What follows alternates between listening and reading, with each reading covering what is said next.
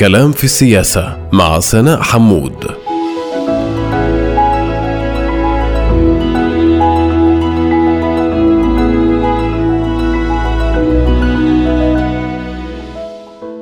أهلا ومرحبا بكم مستمعاتنا ومستمعينا الكرام في حلقة جديدة من بودكاست كلام في السياسة الذي سنتناول في إطاره تحليلات معمقة بمنظور أوسع. حول قضية هامة أو شخصية مفصلية تركت وقعها وأدت إلى تحولات لافتة في المشهد السياسي. أنا سناء حمود وفي هذه الحلقة. اخترنا أن نتوقف وإياكم عند هذه المسألة الهامة التي باتت تشغل بال الأحزاب العربية بل كافة الأحزاب في الخارطة السياسية في إسرائيل لما تحمل من إسقاطات على نتائج انتخابات الكنيسة الوشيكة وربما على فرص حسمها لصالح أحد المعسكرين. أتحدث عن العزوف عن التصويت الذي يبدو أنه سيشكل المعطى الأهم في السلوك الانتخابي للفلسطينيين في الانتخابات المسمعة في الأول من تشرين ثاني نوفمبر القادم والذي يبدو أنه في ارتفاع غير مسبوق إذ يتوقع أن لا تتجاوز نسبة التصويت الأربعين بالمئة وفقا لاستطلاعات الرأي الأخيرة وبذلك ستكون نسبة الأقل منذ بداية مشاركة الفلسطينيين في إسرائيل بالانتخابات البرلمانية منذ العام 1948 موضوع حلقة اليوم من كلام في السياسة عزوف المجتمع الفلسطيني في إسرائيل عن المشاركة في الانتخابات. أسبابه ودللاته وإسقاطاته المحتملة على نتائج الانتخابات المقبلة. ولفهم هذه القضية الهامة وما يترتب عليها سياسيا يسعدني أن أرحب في هذا الحوار بضيفين. هما مدير عام المركز العربي للدراسات الاجتماعية التطبيقية مدى الكرمل ورئيس قسم التاريخ في المعهد الأكاديمي العربي بيت بيرل دكتور مهند مصطفى ومدير معهد يافا للأبحاث والاستطلاعات دكتور عاص أطرش.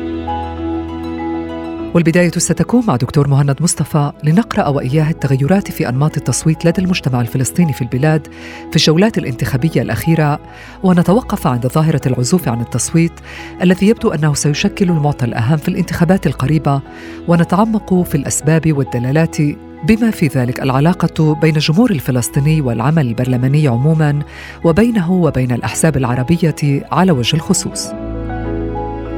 أهلا ومرحبا بك دكتور مهند. أهلا فيك سناء. ولكن قبل المباشرة بحوارنا لنستمع إلى هذه الصوتية فنتابع. من كان على تواصل معي ومن سمع مني في الشهرين الأخيرين ومنذ حل الكنيست قرعت الأجراس ويعني إذا كان في مجاز من رائعة غسان كنفاني يعني حاولت أن أدق على الجدران وأن اقرع الجدران حتى لا يقول أحد لماذا لماذا لماذا. ذلك أخذت هذا القرار لأنه يعني فعلا نحن ذاهبون إلى الهاوية من ناحية سياسية لا نخفي عليكم بانه خلال الأسابيع الأخيرة كان نقاشا سياسيا محتدما ما بيننا وما بين التجمع، بالأمس تحدثنا حول هذا الموضوع السياسي مطولا وتم الاتفاق على الاستمرار في النقاش السياسي والبدء في صياغة ورقة اتفاق سياسي ما بين الطرفين، أعتقد بإمكان إنجاز هذه الورقة السياسية غدا ونحن نرى بذلك تقدما ايجابيا جدا، ما تبقى باعتقادي أن هناك نوايا جيدة من طرفنا ومن طرف التجمع بالتقدم سريعا. لاتمام ملف المشترك لأن عامل الوقت مهم جدا، الأجواء مع العربية التغيير أيضا كانت إيجابية ولكنها للأسف الشديد يعني لم تتقدم كثيرا في في هذا المجال. نأمل أنه خلال الأيام القريبة أن نتقدم أكثر أيضا في هذا الملف. دعنا نبدأ حوارنا باستعراض أبرز ما ميز أنماط التصويت لدى المجتمع العربي تاريخيا أو تقليديا على الأقل.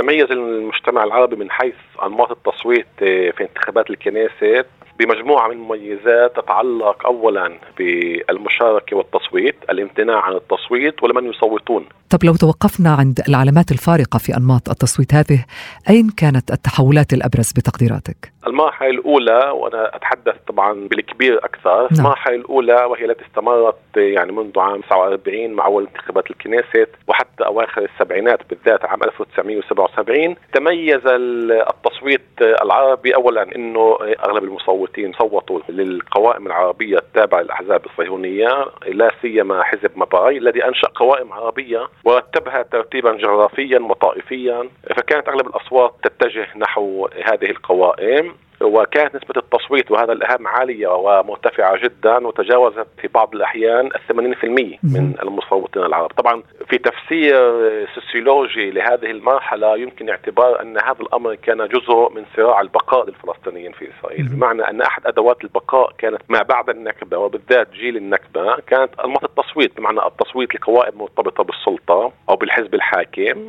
والمشاركة في التصويت بشكل كبير جدا كجزء من البقاء في الدولة. طبعا في هذه المرحلة كان هنالك في نسبة تصويت للحزب الشيوعي الإسرائيلي ولكنها لم تكن بنفس نسبة التصويت للقوائم العربية وللأحزاب الصهيونية. المرحلة الثانية أن شهدنا تحول بالذات عام 1977 في هذه الانتخابات شاركت الجبهة الديمقراطية للسلام المستوى لأول مرة بعد أن تم تأسيسها قبل ذلك. في هذه المرحلة نرى تحول معين في التصويت معنى أولا تراجع التصويت للقوائم العربية التي اختفت عمليا بشكل نهائي في انتخابات عام 1981 من المشهد السياسي العربي وهنالك أصبح أكثر في صعود التصويت للجبهة الديمقراطية وبعد ذلك للحركة التقدمية. ولاحقا للحزب الديمقراطي العربي الذي أنشئ عام 1988 عشية الانتخابات اللي كانت برئاسة عبد الوهاب دراوشي ونجد وكأنه في مرحلة توازن في نسبة التصويت بين الأحزاب الصهيونية بالذات حزب العمل وفي هذه المرحلة صارت حركة شاس وحزب المفدال الذي كان يسيطر على جهة التعليم أيضا لهم مصوتين.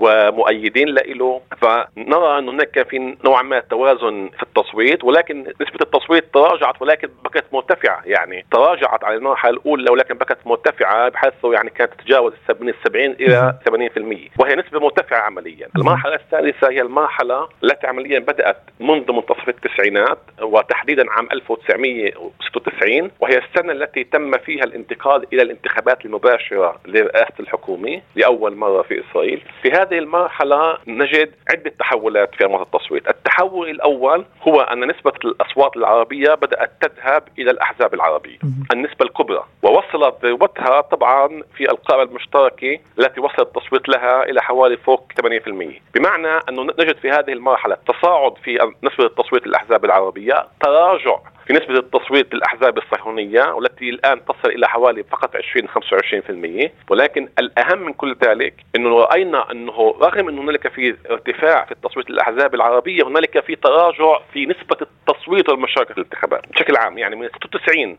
وحتى 2015 يعني مع تأسيس القائمة المشتركة التوجه كان هو تراجع نسبة التصويت دعنا نتوقف عند هذه المحطة الهامة نعم. فعليا وإقامة القائمة المشتركة عام 2015 كيف أثر تشكيل القائمة المشتركة على نسبة المشاركة في الانتخابات في المجتمع العربي في البلاد آنذاك؟ رفعتها بمعنى إنه لعند 2015 كما قلت لك كان لك في تراجع وصل هذا التراجع لحوالي 50% بال 2013 مع تشكيل القائمه المشتركه 2015 الذي علمت القائمه المشتركه أنها رفعت نسبة التصويت من 50% تقريبا وأعدته إلى حوالي 63% وهذا كان نابع إنه التوجه العربي كان إنه إحنا المجتمع العربي يريد وحدة القوائم العربية وعندما تحققت هذه الوحدة ارتفعت نسبة التصويت. بمعنى إنه وحدة القوائم العربية هي شجعت الناس على المشاركة في الانتخابات لأنه الناس اعتقدت إنه هذه الوحدة سوف تزيد من التأثير في العمل البرلماني سوف تحسن العمل البرلماني وتعبر عن وحدة المجتمع العربي بالذات في ظل التشرذم على الساحة الفلسطينية والتشرذم على الساحة العربية عموما. ولذلك المشاركة في الانتخابات ارتفعت ونسبة التصويت لقائمه مشتركه أيضا ارتفع. يعني التصويت للأحزاب العربية كان قبل 2015 يصل إلى 75% وهي نسبة عالية. ارتفعت هذه النسبة للقائمه المشتركه وتجاوزت ال 85% بمعنى إنه كمان الأحزاب الصهيونيه تواجدها في المجتمع العربي تراجع بسبب القائمه المشتركه التفصيل الوحيد هو الوحدة وحدة القوائم العربية. هذا كان المطلب التاريخي كل وقت للمجتمع العربي لأنه باعتقادهم هذه الوحدة سوف تزيد التمثيل العربي في الكنيست وسوف تزيد التأثير على العمل البرلماني وتحقق إنجازات أكبر للمجتمع العربي. طبعا نتيجة اللي الآن ممكن نحللها اللي أيضا ساهمت في الإحباط وتراجع نسبه التصويت يعني في هذه المرحلة. سنتحدث عن هذه المرحلة ولكن دعنا بداية نعرج قليلا عند الجولات الانتخابية الأخيرة تحديدا منذ نيسان عام 2019 وحتى اليوم نتحدث هنا عن أربع جولات انتخابية في ثلاث سنوات كما نذكر. كيف أثر انعدام الاستقرار السياسي عموما في البلاد وتكرار الجولات الانتخابية هذه على الناخب العربي تحديدا وفقا لقراءتك؟ اولا منذ عام 2019 اللي هي أول انتخابات في هذه السلسلة الأخيرة كان هناك في قائمتين يعني القائمه المشتركه انشقت نسبه التصويت تراجعت المجتمع العربي. وعندما الوحدة آه، عادت بأيلول عام 2019 كمان مرة بالقائمه المشتركه نسبه التصويت ارتفعت من جديد والقائمه المشتركه حصلت على 13 مقعد. طبعا الإنجاز الكبير كان بالقائمه المشتركه هو في انتخابات اذار عام 2020 عندما حصلت القائمه المشتركه على 15 مقعد نسبه التصويت وصلت تقريبا 65% ونسبة التصويت للقائمه المشتركه وصلت تقريبا 90% سناء تقريبا 90% من المجتمع العربي صوت للقائمه المشتركه في آذار 2020 لأنه خطاب القائمه المشتركه في هذه الانتخابات وكل المشهد السياسي الإسرائيلي أعطى وكأن هنالك في إمكانية واقعية وحقيقية أن يؤثر الصوت العربي على تشكيل الحكومة القادمة. القوائم المشتركة في أذار عام 2020 كان خطابها السياسي يركز أن القائمة المشتركة قادرة على إسقاط اليمين قادرة على إسقاط حكومة نتنياهو بس أنه صوت القائمة المشتركة يعطوها 15 مقعد. هيك كان الخطاب. وبالفعل تم إعطاء هذه الفرصة للقائمة المشتركة حصلت على 15 مقعد. تم التوصية على جانت هاي الانتخابات. جانت ترك هذه التوصية وذهب إلى حكومة مع بنيامين نتنياهو. هذا ما حصل. بمعنى أنه هذا الخطاب سقط بعام 2020 ولذلك هذا أول إحباط كان عند المجتمع العربي من فكرة التأثير على المشهد السياسي الإسرائيلي وعلى النظام السياسي الإسرائيلي. بالانتخابات التي كانت في أذار عام 2020 بعد عام يعني كمان بعد عام من حكومة نتنياهو كان. كانت كمان مرة انتخابات ولكن هذه المرة بقائمتين القائمة العربية الموحدة والقائمة المشتركة بدون القائمة العربية الموحدة في هذه الانتخابات تراجعت نسبة التصويت سنة وهذا الدليل إلى 45% صوتوا في الانتخابات فقط. هاي كانت أدنى مشاركة للفلسطينيين في إسرائيل منذ أول انتخابات كنيسة. وبالحديث عن نسبة التصويت الأكثر تدنيا التي رأيناها في الانتخابات الماضية في العام الماضي، دعنا نتوقف عند هذه القضية التي يبدو أنها ستشكل مجددا المعطى الأهم في الانتخابات القريبة، قضية العزوف طبعا عن التصويت. كيف تتوقع أن تظهر في هذه الانتخابات وما أسبابها الأساسية برأيك؟ إذا بدي أبني على اذار 20 اذار 21 الإحباط اللي كان باذار 20 أثر على المشاركة في اذار 21 اعتقادي الإحباط من العام الأخير سيؤثر على التصويت في انتخابات 1 11 عام 2022 لأنه كان في إحباط بأذار 20 أصبح كمان في إحباط بأذار 21 بسبب تجربه القائمه الموحده وإسقاط الحكومة وعدم قدرتها على التأثير. يعني بمعنى إنه العرب أعطوا كل الفرص الممكنة للعمل البرلماني للتأثير وراهنوا على كل الخيارات الموجودة. للتأثير ولم يحدث تأثير حقيقي. لأن هذا سينعكس على 1 11 2022 اللي ممكن الامتناع عن التصويت في آذار 21 كان 55% هذا أعلى نسبة في تاريخ العرب. هذا الامتناع سوف يزيد في 1 11 2022 لسببين بحسب استطلاعات الرأي الاخيره على الأقل. نعم وحتى بقراءة تاريخية وقراءة العوامل التاريخية التي أثرت على التصويت. سيزيد. لماذا؟ اولا أهم فعل اللي بزيد نسبة التصويت هو فعل الوحده غير موجود غير قائم. على فكرة هذا كان الفرق بين أذار 20 اذار 21 إنه صار في قائمتين. لما كان في قائمتين نسبة التصويت انخفضت لما كان في قائمه واحدة نسبة التصويت ارتفعت. هذا أول سبب. والآن إحنا عن قائمتين اللي مش بس متنافسات متخاصمات.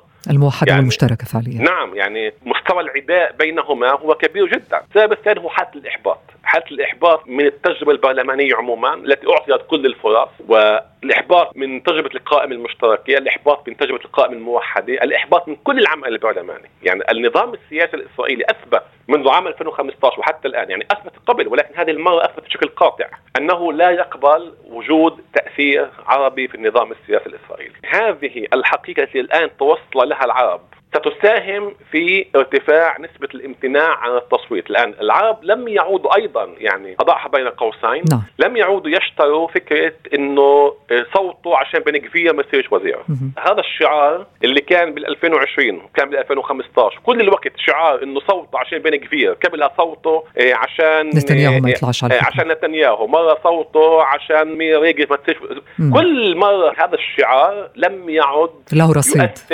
ورصيد في المجتمع العربي. لأنه بالنهاية المجتمع العربي في السنوات الأخيرة شاف إنه فيش فرق في التعامل. يعني فيش فرق ما بين السياسات الإسرائيلية تجاه الفلسطينيين في إسرائيل واتجاه الفلسطينيين عموما. فيش فرق بين حكومة لبيد وحكومة نتنياهو. وفيش فرق بين أي وزير سيأتي فهي الفكرة لم تعد تؤثر. يعني إنه سواء كانت حكومة نتنياهو ولا حكومة لبيد المجتمع العربي لم يعد يجد فرقا جوهريا دعنا نقول ينعكس عليه بهذا الخطاب. ولذلك الامتناع عن التصويت سوف تزداد. يعني هذا طيب. له نتائج وتداعيات على القوائم العربية. وبالصورة الأشمل يعني لو توقفنا عند أنماط المقاطعة تقليديا هل نتحدث عن سبب واحد بالضرورة أم مجموعة من الأسباب؟ هنالك أسباب مختلفة للمقاطعة تنتج أنماط مختلفة من الامتناع عن التصويت.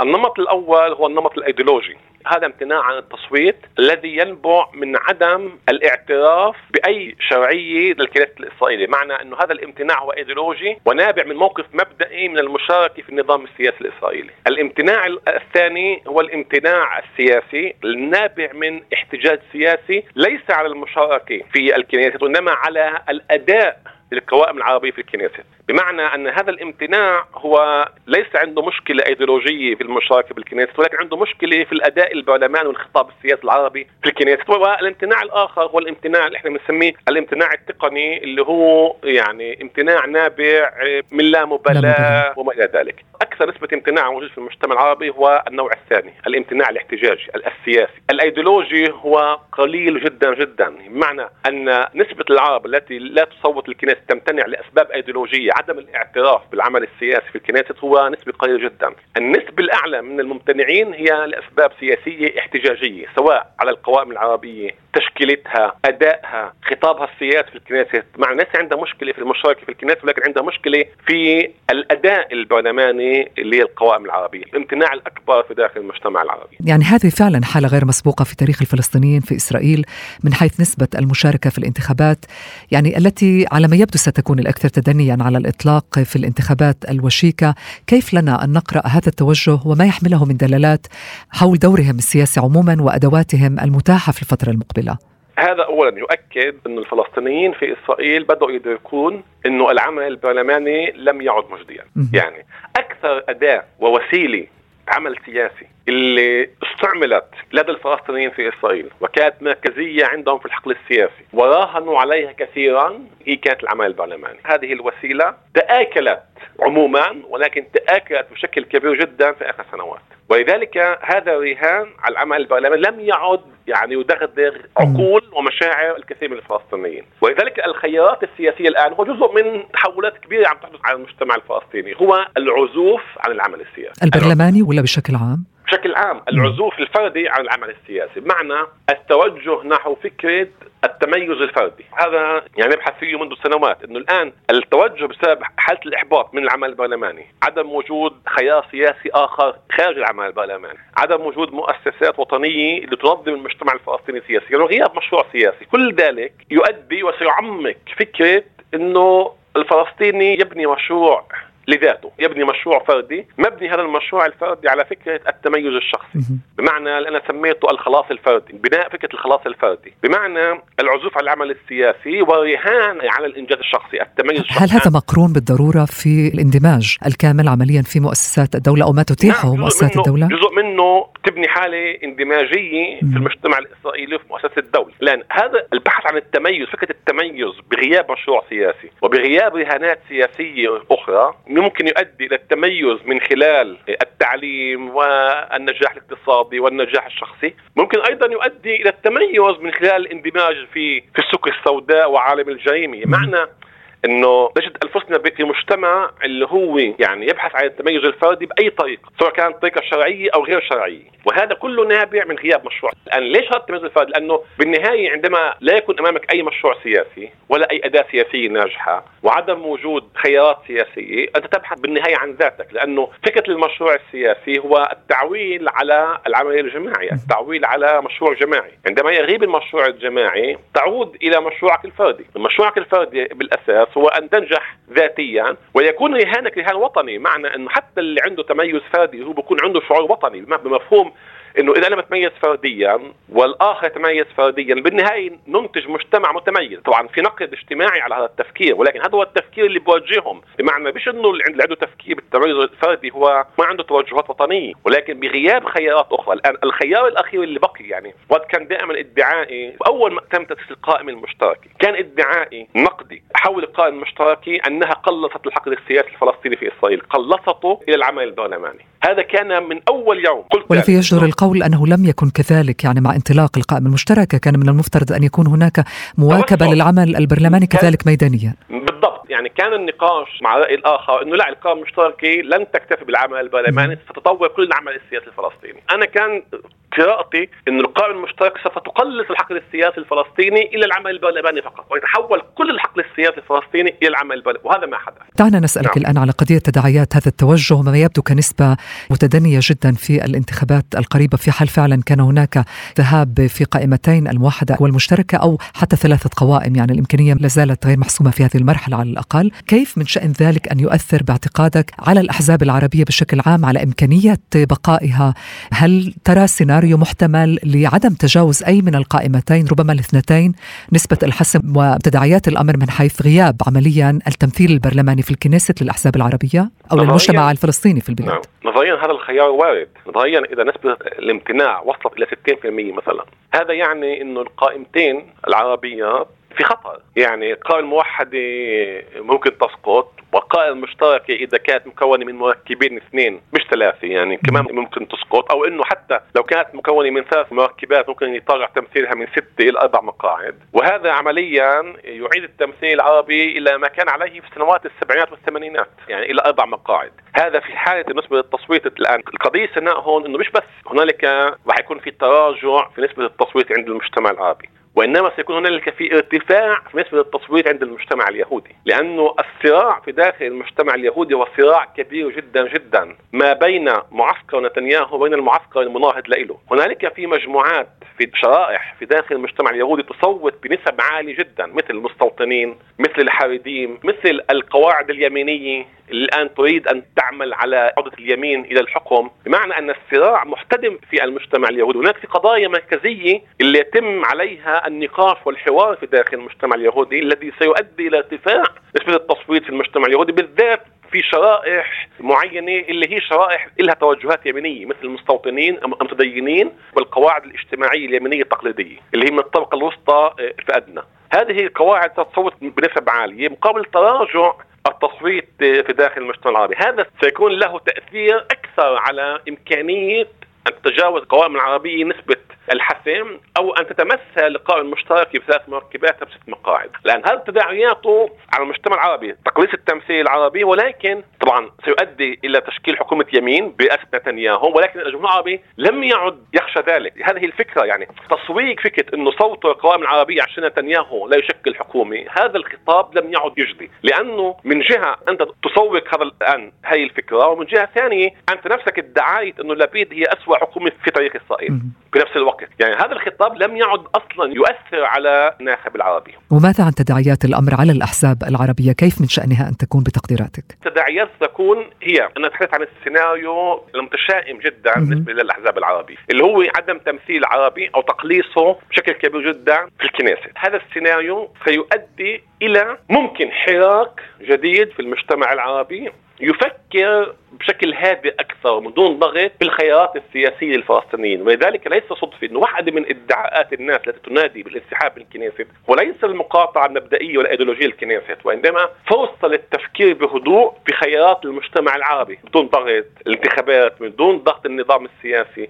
سيكون له تداعيات كبيرة جدا على القيادة السياسية على فكرة العمل الحزبي هناك في أحزاب أصلا مرتبط وجودها بالكنيست لأن هذا أمر غير صحي. ولكن في أحزاب وجودها التنظيمي ووجودها المالي الاقتصادي إيه، مرتبط بوجودها في الكنيست. يعني معنى خسارتها الكنيست أو تراجع تمثيلها يعني سينعكس أيضا على هذه الأحزاب تنظيميا واداريا وماليا واقتصاديا على هذه الأحزاب لأنه هي تابعة مرتبطة بالكنيست ليس لديها خيار بالتفكير إلا بالكنيست لأن إذا هي سقطت يكون تكون فرصة إنها تفكر بخيارات أخرى خارج إطار أو حدود الكنيست الإسرائيلي. وفي ظل كل ما تصفه دكتور مهند مصطفى ما هي السيناريوهات المحتملة بعد الانتخابات القريبة؟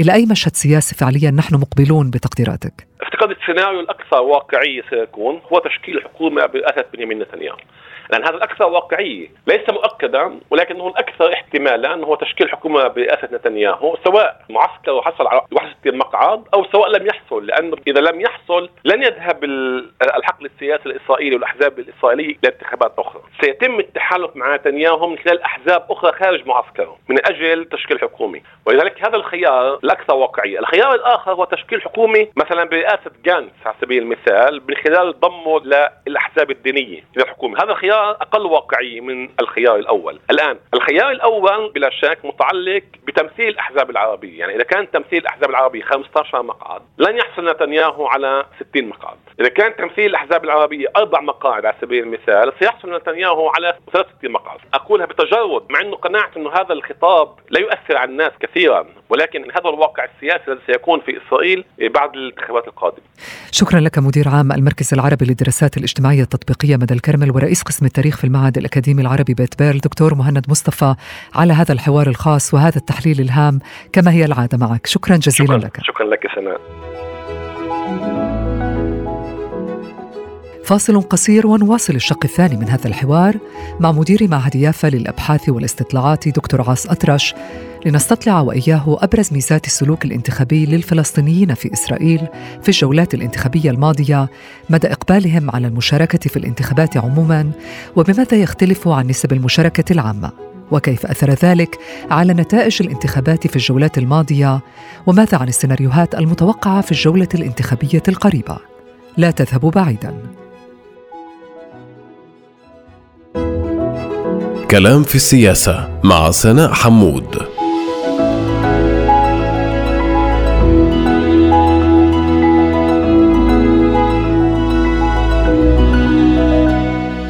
أهلا ومرحبا بكم مجددا في كلام في السياسة. أنا سناء حمود ومعي مدير معهد يافا للأبحاث والاستطلاعات دكتور عاص أطرش لمتابعة حوارنا حول عزوف المجتمع الفلسطيني في إسرائيل عن المشاركة في الانتخابات أسبابه ودلالاته واسقاطاته المحتملة على نتائج الانتخابات المقبلة. أهلا ومرحبا بك دكتور عاص. أهلا بك وبجميع المستمعين. ما أبرز ما يميز السلوك الانتخابي للفلسطينيين في إسرائيل دكتور عاص؟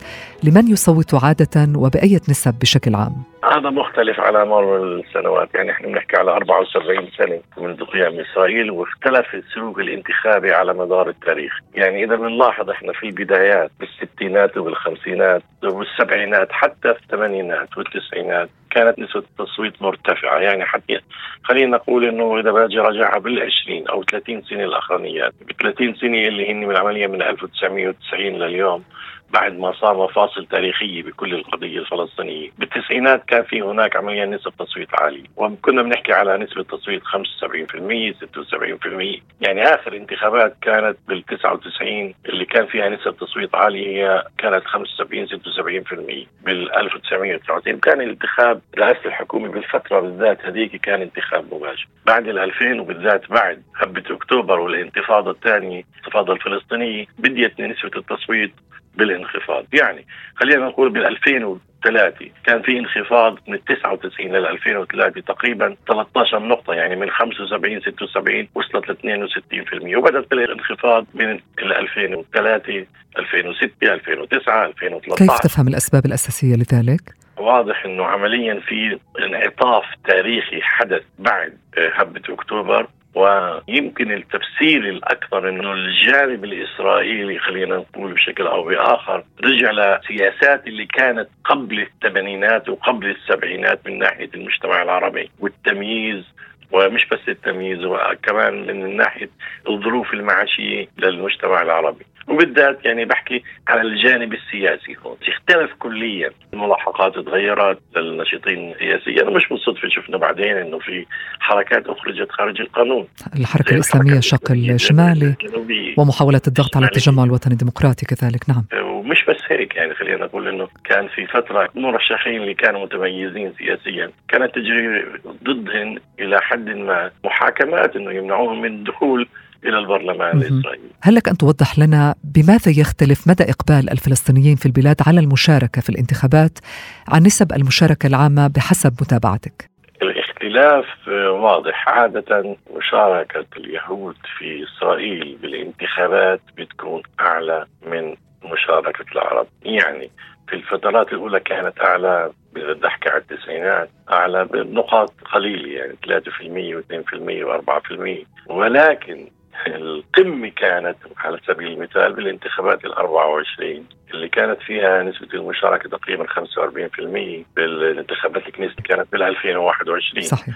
والنسبة العامة كانت 67% يعني إحنا بنحكي على نسبة تقريبا 30% فرق بين الجهتين أو 28 27% فرق بين الجانب الفلسطيني والجانب الإسرائيلي. هاي كانت انتخابات كمان فيها تحول جديد اللي كانت بال 2021 كان في تحول جديد اللي هي تقريبا ادنى نسبه وصلت من المشاركة في هذه الفترة. طب دكتور عص أطرش إلى أي مدى فعلا تؤثر نسبة التصويت للعرب في البلاد على نتائج الانتخابات بشكل عام؟ لو توضح لنا هذه المسألة. واضح إنه حتى لنسبه نصف في المية أو واحد في المية في تأثير على الانتخابات الكنيست، يعني إذا نيجي بنطلع اليوم على سبيل المثال، في أمرين، أول شيء من الجانب الحسابي وجانب نسبة الحسم اللي هي عمليا نحكي على 3 وربع في المية، عمليا لما بصوتوا أقل المشاركه بتكون أقل بتكون نسبة الحسم أقل، وهي بتعطي مجالات للاحزاب الكبيرة إنه تربح بشكل كبير، وعاده الأحزاب اليمينية. نعم.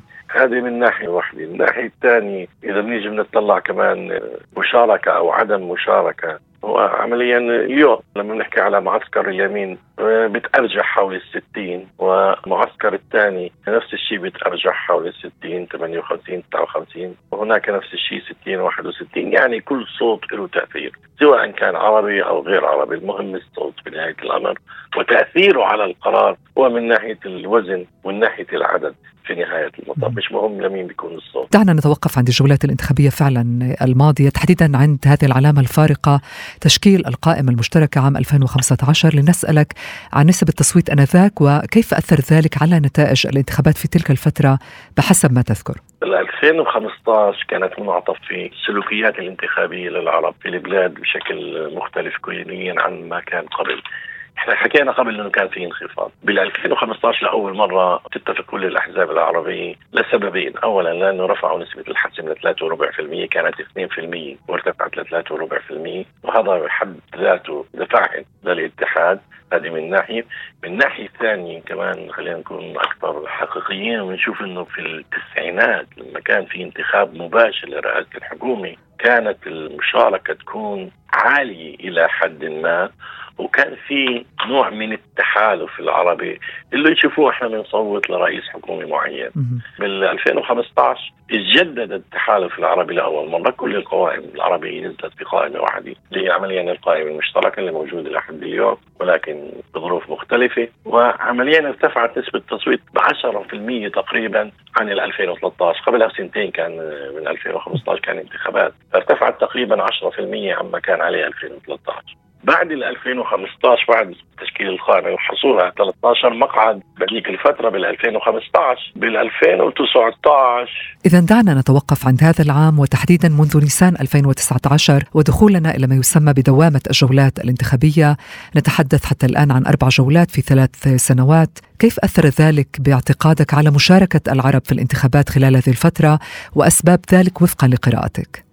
بعد ال 2015 خلينا نقول انخفضت نسبة الانتخابات بلسان 2019 بالذات مش بس لأنه جولات انتخابية كانت لا كانت في فترة أربع سنين يعني خلينا نقول من 2015 2019 تقريبا أربع سنين. انخفضت كمان لسبب ثاني إنه المجتمع عاقب قائمة مشتركة لما انفصلت لقائمتين وانخفضت نسبة التصويت وهناك حصلوا على 10 مقاعد من 13 نزلوا ل 10 مقاعد يعني نزلوا كل حزبين بقائمه أنا أتذكر كيف كان الجبهه والتغيير والتجمع والحركة الإسلامية الجنوبية أو الموحدة. فالجهه أخذت ست مقاعد والجهة الثانية أربع مقاعد الجبهه والتغيير. فال 2019 مش بس لأنه في انتخابات وإنما كمان لأنه صار في سلوك آخر لدى القوائم الانتخابية اللي شاركت في الانتخابات بال 2019 هذا الشيء يعني ارتفع من جديد وهذا اللي بيثبت. بال 2019 بعد أقل من خمس ست أشهر ارتفع من جديد وصل ل 59% لما القائمه المشتركة رجعوا يجمعوا كل الأحزاب وخاضوا الانتخابات بقائمه مشتركه واحدة صحيح. وهناك حصلوا على 13 مقعد كمان مرة ونسبة التصويت ارتفعت وصلت تقريبا 60% 59 وشوي. وهذا السلوك بعده بال 2020 كمان مرة ارتفعت نسبة التصويت. وهناك في سبب آخر على حسب رأيي. وإحنا عندنا مفهومية الفزع المجتمع العربي. يعني لما نتنياهو صرح تصريح العرب يهرولون إلى صناديق الاقتراع.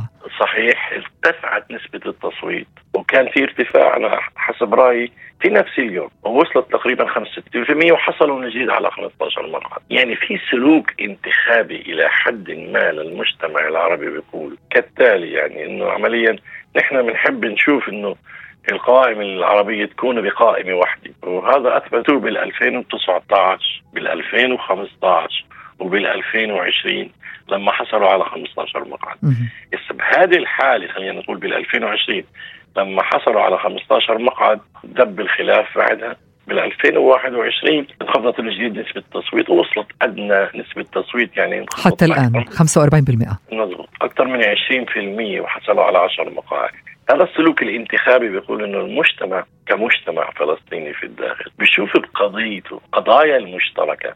هي الأساس يعني الهموم الحياتيه والقضية الفلسطينية هي أساس سلوك الانتخاب وهي اللي بتوجهه. وعمليا بيشوف بما إنه في أشياء مشتركة لكل المجتمع الفلسطيني مش بس الفكر الأيديولوجي السياسي. فهني بيركزوا على النقاط المشتركة والتصويت بيكون هيك حسب النقاط المشتركة. عشان هيك دائما في دعوة لا شيء اسمه اتحاد تحالف ائتلاف كلنا خلينا نكون بقائمة واحدة. طيب دعنا نتقدم قليلا إلى الأمام لنسألك عن السيناريوهات المتوقعة في الجولة الانتخابية القريبة. دكتور عز أطرش يدور الحديث اليوم على الأقل وفقا لاستطلاعات الرأي الأخيرة أن نسبة العزوف عن التصويت قد تكون الأكثر تدنيا على الإطلاق. كيف تقرأ الصورة من موقعك؟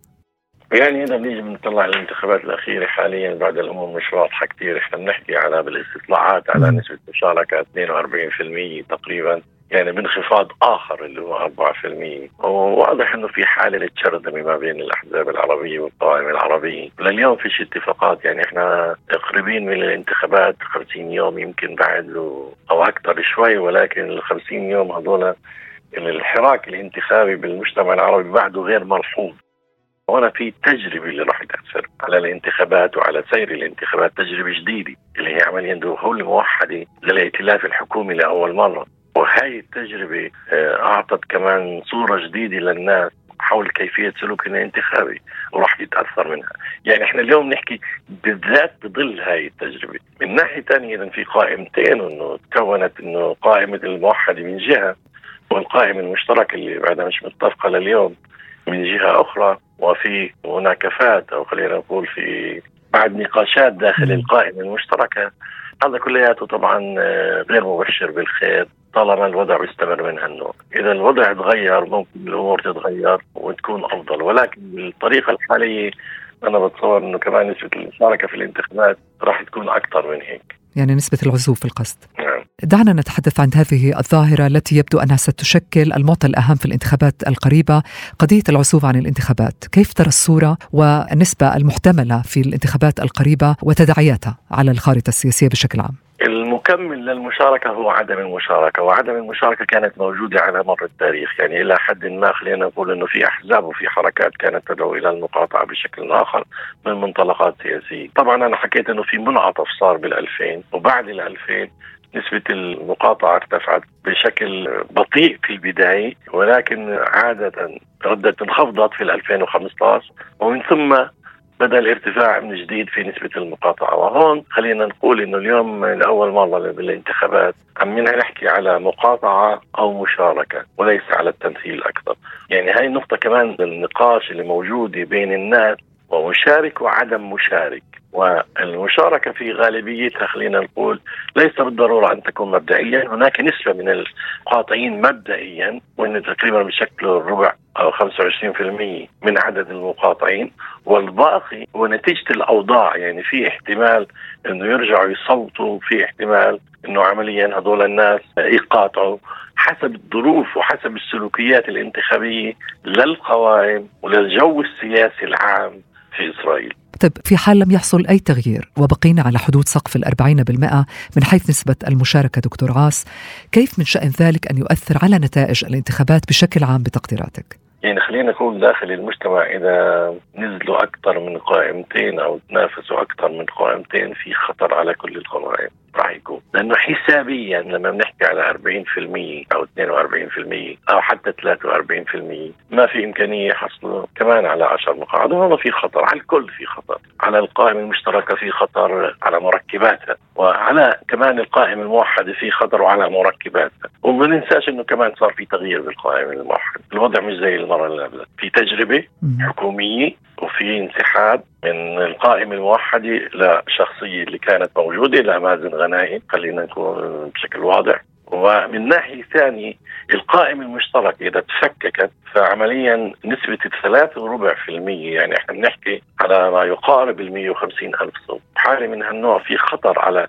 كل الأحزاب اللي راح تشترك في الانتخابات. إلا إذا تغير الوضع ورجعوا على الأقل مثل المرة اللي هذا بما يتعلق بالأحزاب العربية ولكن ماذا عن الخارطة السياسية بشكل عام؟ كيف من شأنها أن تتأثر؟ واضح أن هذا بصب آه، إلى حد ما بمصلحة الأحزاب الكبيرة والأحزاب الكبيرة زي ما إحنا شايفين هن الأحزاب اليمينيين. يعني عمليا أكثر راح يكون في اتجاه يميني أكبر من الماضي من سنين مرت إذا الوضع استمر من هالنوع. على كل سننتظر ونرى إلى أين ستفضي الأمور ولكن اسمح لي أن أشكرك مدير معهد يافا للأبحاث والاستطلاعات دكتور عس أطرش على هذا الحوار الخاص وهذه المعلومات القيمة. شكرا جزيلا لك. شكرا لك ولجميع المستمعين. كان هذا كلام في السياسة. شكرا لكم مستمعاتنا ومستمعينا الكرام على حسن الاستماع. أطيب التحيات لكم أينما كنتم. دمتم بكل خير.